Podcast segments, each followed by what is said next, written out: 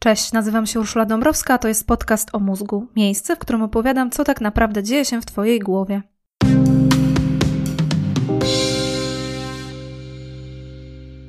Na co dzień robisz to, co robisz, myślisz tak, jak myślisz i czujesz, co czujesz.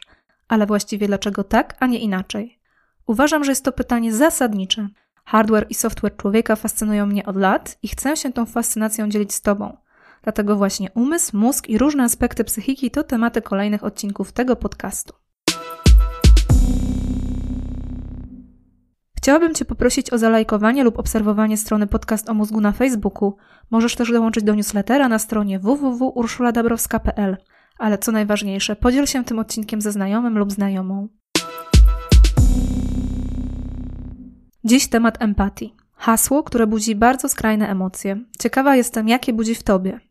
Może jest tak, że widzisz w niej najwyższy poziom rozwoju człowieka, szansę dla świata, jedyny rozsądny kierunek, w którym powinna podążać ludzkość. Powiem ci, że nie jesteś w tym podejściu sama czy sam. Jest nas wielu. Może jesteś typem empatycznym, empatyczną typiarą i wręcz irytuje cię nieempatyczne zachowanie innych. Rozumiem, szanuję, ale weź kilka głębokich wdechów. W dzisiejszym odcinku zobaczysz, że empatia to nie wszystko. W każdym razie nie każdy rodzaj empatii. Ale może akurat ty, słuchaczu, słuchaczko, jesteś zupełnie z innej gliny? Może słuchasz tego odcinka tylko przez przypadek, albo z uprzejmości wobec mnie? Bo empatia nic ci nie robi, ani ziębi, ani grzeje.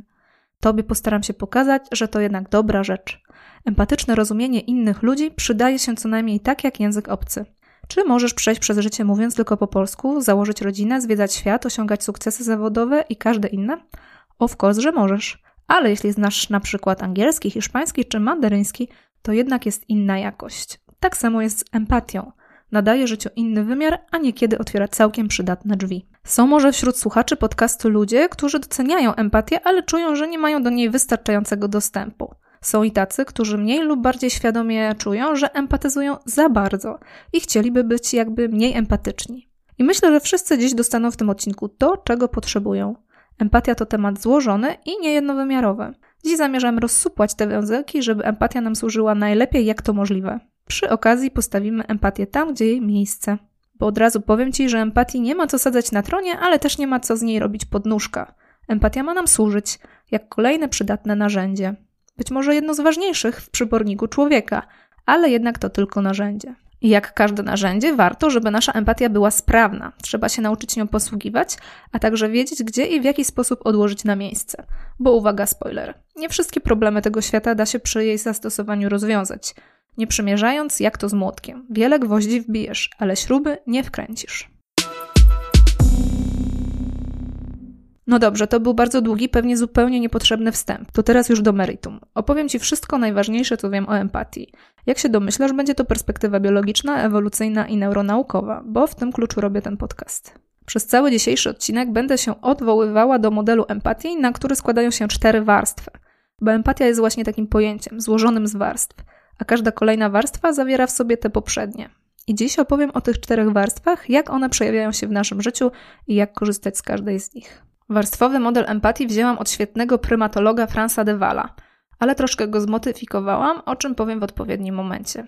W każdym razie, jeśli będę dziś mówić o poziomie, warstwie, aspekcie empatii, to zawsze chodzi mi o to samo. Empatia ma cztery poziomy, a każdy kolejny zawiera w sobie poprzednie. Podstawowe warstwy mogą działać na swoim ograniczonym poziomie same, ale te wyższe opierają się na tych podstawowych. No dobra, dość ogólników, zaczynamy od pierwszego poziomu, pierwszej warstwy empatii. Tą warstwą jest zarażanie emocjami. Weź pierwszą, lepszą definicję empatii, a znajdziesz tam na pewno taki wątek. Empatia to umiejętność wczuwania się w emocje drugiej osoby.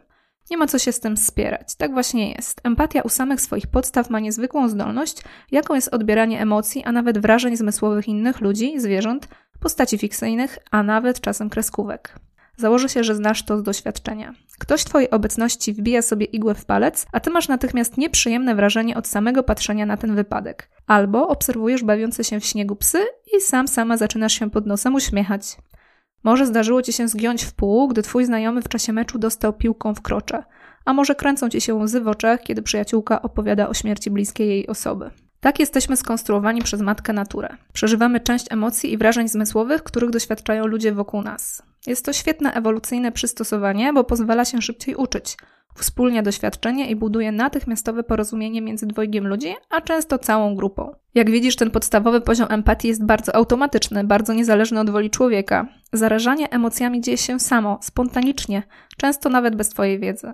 Pomyśl, że cały dzień w biurze spędzasz z marudą. Choćby Twoje życie prywatne i zawodowe układało się jak po maśle, po takim dniu wracasz do domu z nosem na kwintę. Pozornie bez powodu, a tak naprawdę właśnie dlatego, że zadziałał mechanizm zarażania emocjami. Część negatywnego nastroju kolegi z pracy spłynęła na ciebie. Oczywiście różnimy się w tym, jak bardzo emocje innych ludzi na nas wpływają. Empatia nie jest zero-jedynkowa. Różni ludzie są mniej lub bardziej wrażliwi na widok krwi, mniej lub bardziej odczuwają zimno, mniej lub bardziej przeszkadza im hałas. I tak samo jest z wrażliwością na cudze emocje. Jedni empatyzują bardziej, drudzy mniej. Staram się unikać w tym podcaście ocen moralnych, ale warto tu się zmierzyć z takim poglądem, że jak ktoś jest bardziej empatyczny, to jest jakoś moralnie lepszy, a jak jest nieczuły na emocje innych, to jest zimny, egoistyczny drań albo draniuwa. No, ja bym była ostrożna z takimi uogólnieniami. Zresztą są też osoby, które mniej lub bardziej otwarcie gardzą empatią i możesz usłyszeć od nich takie opinie, że empatia jest dobra dla opiekunek w przedszkolu albo terapeutów, a reszcie świata tylko przeszkadza myśleć racjonalnie. Jeśli tak myślisz, misiu pluszowy, to sorry, ale też nie.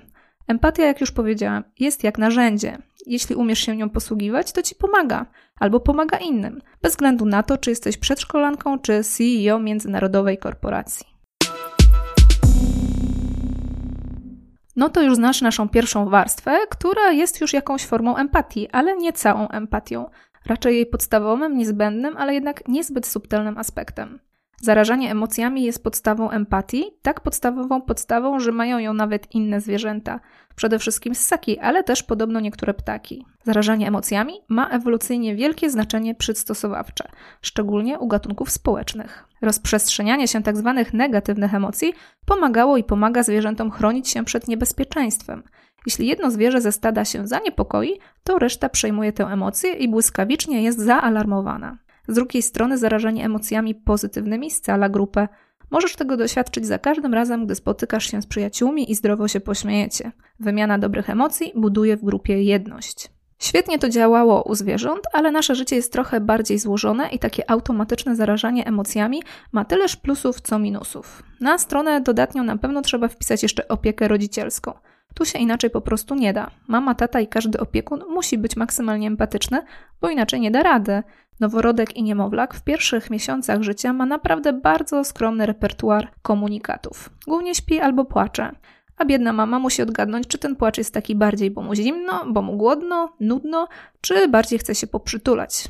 W tej sytuacji automatyczne zarażanie emocjami pozwala matce raczej czuć niż rozumieć, czego dziecko potrzebuje. Tak to właśnie działa przez kilka ostatnich milionów lat. Te matki, które lepiej czuły swoje dziecko, lepiej je pielęgnowały i statystycznie częściej przekazywały swoje geny na kolejne pokolenie dzieci, wnuków, prawnuków. Tak empatyczność, czyli umiejętność wczuwania się w emocje, utrwalała się w puli genetycznej. Do dziś kobiety są statystycznie bardziej empatyczne, wrażliwe na emocje innych osób. Ale pamiętajmy, że to statystyka i dlatego znajdą się empatyczni mężczyźni bardziej wrażliwi niż średnia kobieta. I znajdą się także bardzo nieempatyczne kobiety, mniej wrażliwe niż przeciętny mężczyzna. Zakończmy temat zarażania emocjami wyliczanką zastrzeżeń, bo faktycznie empatia i wrażliwość są niezwykłym wynalazkiem matki natury, ale potrafią nieźle utrudnić nam życie. Oto kilka przykładów. Po pierwsze, to o czym wspomniałam, gdy dużo przebywamy z jakąś marudą albo cholerykiem, jego, jej emocje odbijają się na naszym samopoczuciu. Albo gdy widok krwi czy jegoś bólu tak nas przenika, że aż hamuje. Zamiast pomóc dziecku, które rozcięło sobie rękę, zwijamy się sami z empatycznego, ale całkiem bezproduktywnego bólu. Albo gdy cierpienie psychiczne innej osoby tak nas męczy, że szukamy błyskawicznych, niekoniecznie mądrych rozwiązań. Dajemy rybę zamiast wędki, żeby szybciej pozbyć się problemu. Może być też tak, że rozpieszczamy dziecko, psa albo partnera, bo nie możemy znieść jego jej dyskomfortu. Zarażenie emocjami może nas też sporo kosztować, gdy na przykład przejmujemy w grupie euforyczne stany, a one skłaniają nas do ryzykownych zachowań. Czy ja chcę przez to powiedzieć, że empatia jest głupia i nie ma co sobie nią zawracać głowy? Absolutnie nie. Ale empatia jest też dość złożona i na razie omówiliśmy pierwszą, najniższą, podstawową jej warstwę. Idziemy dalej. Drugi poziom empatii według Franza de Walla to umiejętność rozróżnienia siebie od innych. Zaskakujące. Wręcz jakby paradoksalne. Zarażanie emocjami sprawia, że wspólniamy doświadczenie z innymi, ale okazuje się, że to może być ślepa uliczka. Żeby empatia miała więcej sensu, musimy dobrze rozróżniać siebie od innych i jednocześnie rozumieć, że druga osoba ma inne doświadczenie, wrażenia i emocje niż ja. Inna osoba ma też dostęp do innej wiedzy, ma cały osobny wewnętrzny świat przeżyć, myśli, planów, celów itd. Tak Niby oczywista oczywistość, a naukowcy widzą w tym jedną z najwyższych zdolności ludzkiego mózgu. Powiedziałam już, że wszystkie ssaki, niektóre ptaki zarażają się emocjami, czyli mają ten podstawowy poziom empatii. Drugi poziom, czyli rozróżnienie ja versus ty, dla większości zwierząt jest już niedostępny. Naukowcy oczywiście się wspierają. Jedni, jak wspomniany Franz de Waal, powiedzą, że naczelna już na pewno szympansy i bonobo są pod tym względem podobne do nas. Może także delfiny słonie i krukowate. Ale są i tacy naukowcy, którzy mówią nie. To już poziom dostępny jedynie nam, ludziom, gatunkowi Homo sapiens. I to nie od razu. Opanowujemy umiejętność odróżniania siebie i swoich emocji od innych ludzi i ich emocji dopiero około czwartego roku życia to wtedy mały człowiek zaczyna rozumieć, że inni ludzie, mama, tata, rodzeństwo, mają swoje własne wewnętrzne światy, mają inne uczucia, inne myśli, dostęp do innej wiedzy, a także inne cele działania. Psycholodzy nazywają tę zdolność teorią umysłu, a proces myślenia o wewnętrznym świecie innej osoby mentalizacją. Teoria umysłu i mentalizacja zasługują na osobny odcinek. Tu siłą rzeczy skracam. Najważniejsze jest to, że noworodek i niemowlak zarażają się emocjami tak samo jak każdy inny ssak. Jeśli w żłobku jedno dziecko zaczyna płakać, zaraz dołącza do niego kolejne, kolejne i kolejne. Natomiast 4-5-latek zaczyna rozumieć, że mama płacze, bo ma jakieś zmartwienie, a brat się śmieje, bo przeczytał coś śmiesznego. Możesz tego nie widzieć na pierwszy rzut oka, ale to ogromny skok rozwojowy. Żeby empatia miała sens, nie może zatrzymać się na swoim podstawowym poziomie. Zarażanie emocjami samo w sobie nic nie daje. Żeby ulżyć komuś w cierpieniu, musisz trochę tego cierpienia poczuć, jasne, ale żeby pomóc tej osobie, musisz też wiedzieć, że to ona cierpi bardziej, to jej okoliczności życiowe są źródłem cierpienia i to jej należy się uwaga, a nie tobie. Wiele dorosłych osób ma z tym kłopot. Taka sobie zwykła scenka. Niedzielne popołudnie, park, tata spaceruje z dzieckiem, które potyka się, upada na twarz i zaczyna płakać. Emocje dziecka błyskawicznie udzielają się empatycznemu ojcu, ale ten zamiast zająć się cierpieniem malucha, nieświadomie stara się rozprężyć swój niepokój, emocjonalny ból i zaczyna się złościć i krzyczeć na chłopca. Znasz to? Ja niestety widuję w najróżniejszych odsłonach. Zarażanie emocjami działa w tym wypadku na 100%, ale mentalizacja i rozróżnienie, kto tu naprawdę ma problem, już gorzej. Na szczęście można się w tym obszarze rozwijać i ćwiczyć, do czego zachęcam. Zanim przejdziemy do trzeciego poziomu, zapraszam do kącika neuronaukowego. Empatia od dawna jest pod lupą naukowców. Nie sposób mówić o empatii, nie powołując się na neurony lustrzane. Ten system neuronów mają ssaki i oczywiście ludzie. Neurony te aktywują się zarówno gdy człowiek coś robi, na przykład chwyta za głowę, jak i gdy patrzy jak inny robi to samo, czyli siebie chwyta za głowę. Dlatego właśnie nazwano je neuronami lustrzanymi, bo działają jak takie lusterka w mózgu. Powtarzają to, co widzą lub słyszą. Po co to komu? Wydaje się, że ssaki czerpią bardzo dużo wiedzy o świecie z obserwacji innych osobników swojego gatunku. Robią to oczywiście nieświadomie. Neurony lustrzane uaktywniają się w taki sposób, że nie tylko widzimy, co robi i co przeżywa drugi człowiek, ale po części czujemy to tak, jakbyśmy sami to robili lub przeżywali. Ostatnio oglądałam trochę olimpiady zimowej i powiem Ci, że przy niektórych dyscyplinach strasznie się męczyłam. Czy tego chciałam, czy nie, napinały się najróżniejsze mięśnie mojego ciała, tak jakbym to ja wchodziła w kolejne zakręty na gigancie, a nie zawodnicy na stoku. Znasz to? To właśnie neurony lustrzane w pełnej akcji. Neurony lustrzane sprawiają także, że uśmiechamy się, gdy ktoś się do nas uśmiecha, a krzywimy, gdy rozmawiamy z kimś, kto płacze. Nieświadomie przyjmujemy wyraz twarzy osoby, na którą patrzymy, i to też przyczynia się do zarażania emocjami. Tak jak wspomniałam, różnimy się stopniem wrażliwości empatycznej, więc i tu zdarzają się osoby z całkiem zamrożoną twarzą i takie, które mimiką bardzo naśladują swojego rozmówcę. I uwaga, pewnie cię nie zaskoczę, że te pierwsze są mniej, a te drugie bardziej empatyczne. Jeśli chodzi o neurony lustrzane, to naukowcy też nie są do końca zgodni. Czy odgrywają kluczową rolę w empatii, czy są tylko jednym z elementów, koniecznym, ale niewystarczającym? A może empatia jest jednak całkiem niezależna od neuronów lustrzanych? Zdania są podzielone.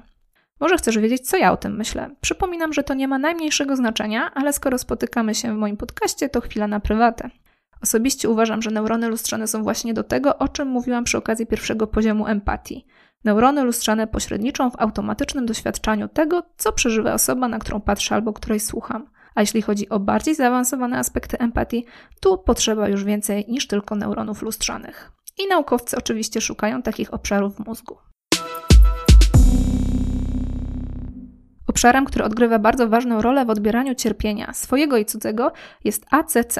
ACC to bardzo wygodny akronim, bo pełna nazwa tego obszaru to przedni zakręt kory obręczy Anterior Cingulate Cortex.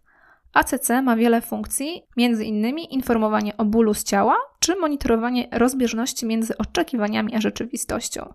Wydaje się, że to zupełnie dwie różne sprawy, ale chodzi o jedno o Twój dobrostan. I ACC monitoruje, czy wszystko jest ok, także czy jest w miarę ok u innych osób. Z kolei rozróżnienie ja to nie ty opiera się na obszarach związanych z teorią umysłu. Są to przede wszystkim skrzyżowanie skroniowo-ciemieniowe i część brzuszno-środkowa kory przedczołowej. I jak zawsze, mniejsza o nazwy. Raczej chodzi o pokazanie, że pierwszy i drugi poziom empatii to dwa różne systemy w mózgu. Zarażanie emocjami jest pierwotne, biologiczne, typowe dla ssaków i niemowlaków. Natomiast rozróżnienie ja to nie ty to już wyższa szkoła jazdy, a to dopiero pierwsze dwa aspekty empatii. Pora przejść do trzeciego. Trzeci poziom oczywiście zawiera w sobie dwa poprzednie. To aspekt empatii, który nazwałabym instynktem pomocy. To przeciwieństwo egocentryzmu i ukierunkowanie na dobro drugiej osoby. Można by pomyśleć, że to wydumany koncept. Wydaje się, że empatia zawsze musi mieć to w sobie, ale tak nie jest. Wyobraź sobie, że są osoby, które doskonale odbierają i rozumieją emocje drugiego człowieka. Więcej, świetnie umieją korzystać z tej wiedzy, ale ich działanie mało ma wspólnego z potocznie rozumianą empatią. Takie osoby to psychopaci i wszyscy, którzy swoje empatyczne umiejętności wykorzystują do manipulacji drugą osobą. Żeby empatia była empatią, potrzeba trzeciego poziomu, czyli chęci pomocy, ulżenia drugiej osobie w cierpieniu, albo chęci bezinteresownego towarzyszenia jej w radości czy sukcesach. Mamy więc już trzy poziomy. Pierwszy, głęboko biologiczny, to zarażanie emocjami. Drugi to odróżnienie siebie od drugiej osoby. Trzeci to instynkt pomocy. Wydaje się, że to już to, ale nie, jeszcze nie. To bardzo dużo i często wystarcza. Zresztą Franz de Waal wymienia tylko te trzy warstwy. Ja jednak uważam, że to za mało. Usłyszałam kiedyś od psychologa i trenera Jacka Jakubowskiego, że empatia może być dojrzała i niedojrzała. I wtedy w mojej głowie zaklikało: o to chodzi. Te pierwsze trzy poziomy Dewala to już empatia, ale taka jeszcze trochę zielona. To doskonała podstawa, świetny punkt wyjścia, z tym, że czasem może sprowadzić na manowce. Podam przykład. Ona wraca po pracy do domu, jest cała roztrzęsiona. Opowiada jemu o okropnej scysji z szefem, o wszystkich upokorzeniach, niesprawiedliwościach i krzywdach, które doznała w ostatnim czasie, o okropnym złu, które tego dnia się wydarzyło. On jest poruszony. Słucha, analizuje i z mocą oświadcza: rzuć tą pracę, kochanie. Nie ma powodu, żebyś się z tym pajacem męczyła. I jeszcze mu nagadaj przy rzucaniu papierami. Ona na ten komentarz wybucha płaczem, trzaska drzwiami do sypialni, krzyczy nikt mnie nie rozumie i nie odzywa się do niego przez cały weekend. Jemu szczęka opada do ziemi, jest w szoku. Nie ma pojęcia, co się wydarzyło. Klasyczna sytuacja, nie uważasz? No właśnie, a przecież wszystko tu mamy. On jest empatyczny, odczuwa i przejmuje się emocjami swojej kobiety, chce jej dobra i chce usunąć cierpienie z jej życia. Jest cały nastawiony na pomoc, a jednak to nie działa tym wypadku ona potrzebowała tylko być wysłuchana i przytulona.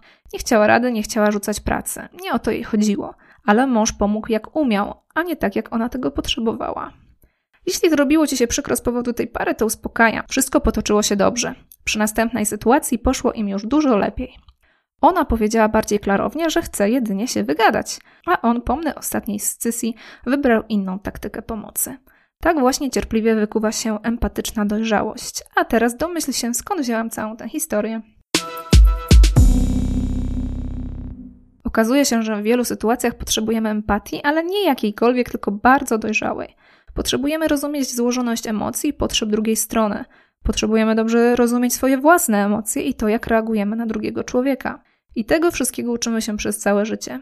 Czwarty poziom to właśnie taka dojrzała, mądra empatia – taka, która łączy wrażliwość na drugiego człowieka z całym intelektualnym oraz emocjonalnym doświadczeniem własnego życia. Dojrzała empatia to nie jest automatyczne działanie pod tytułem pomagam jak potrafię. To jest działanie dostosowane do potrzeb drugiej osoby, a czasem jest to brak działania, a jedynie wysłuchanie, towarzyszenie. Dojrzała empatia to także umiejętność wybierania okoliczności i osób, wobec których jesteśmy empatyczni. Doba ma tylko 24 godziny, a nasze możliwości są ograniczone. Gdyby ratownik medyczny całym sobą empatyzował z każdą osobą i każdą rodziną, którą spotyka w czasie dyżuru, nie miałby sił i mentalnych zasobów, żeby faktycznie ratować chorego. Tak samo my możemy wpaść w pułapkę pomagania za wszelką cenę i ratowania wszystkich wokół.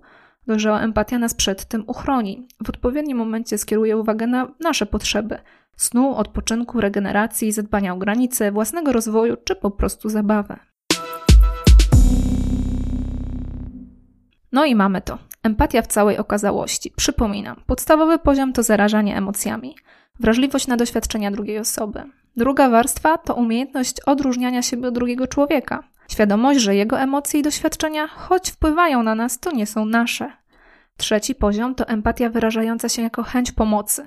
Ten aspekt empatii nie potrafi działać bez dwóch wcześniejszych. Jeśli działa, to na ślepo, bo tylko wczucie się w innych pozwala nam dostrzec obszary, które domagają się pomocy. Ta warstwa jest jednocześnie podstawą altruizmu i wolontariatu.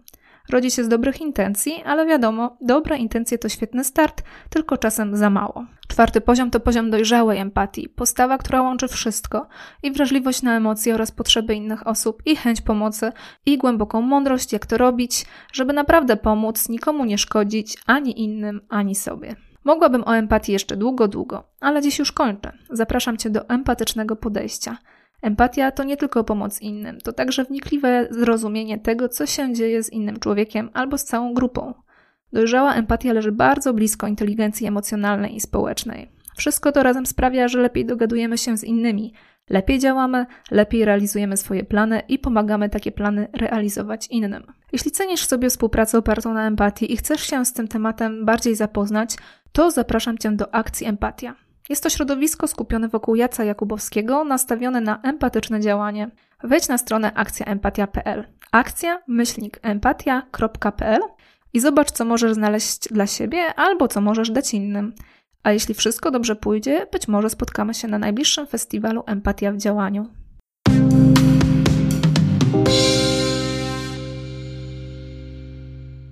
Dziękuję Ci za wysłuchanie tego odcinka. Więcej materiałów znajdziesz na stronie www.urszuladabrowska.pl. Zapisz się do newslettera, a informacje o nowych odcinkach będą wpadać prosto na Twoją skrzynkę mailową.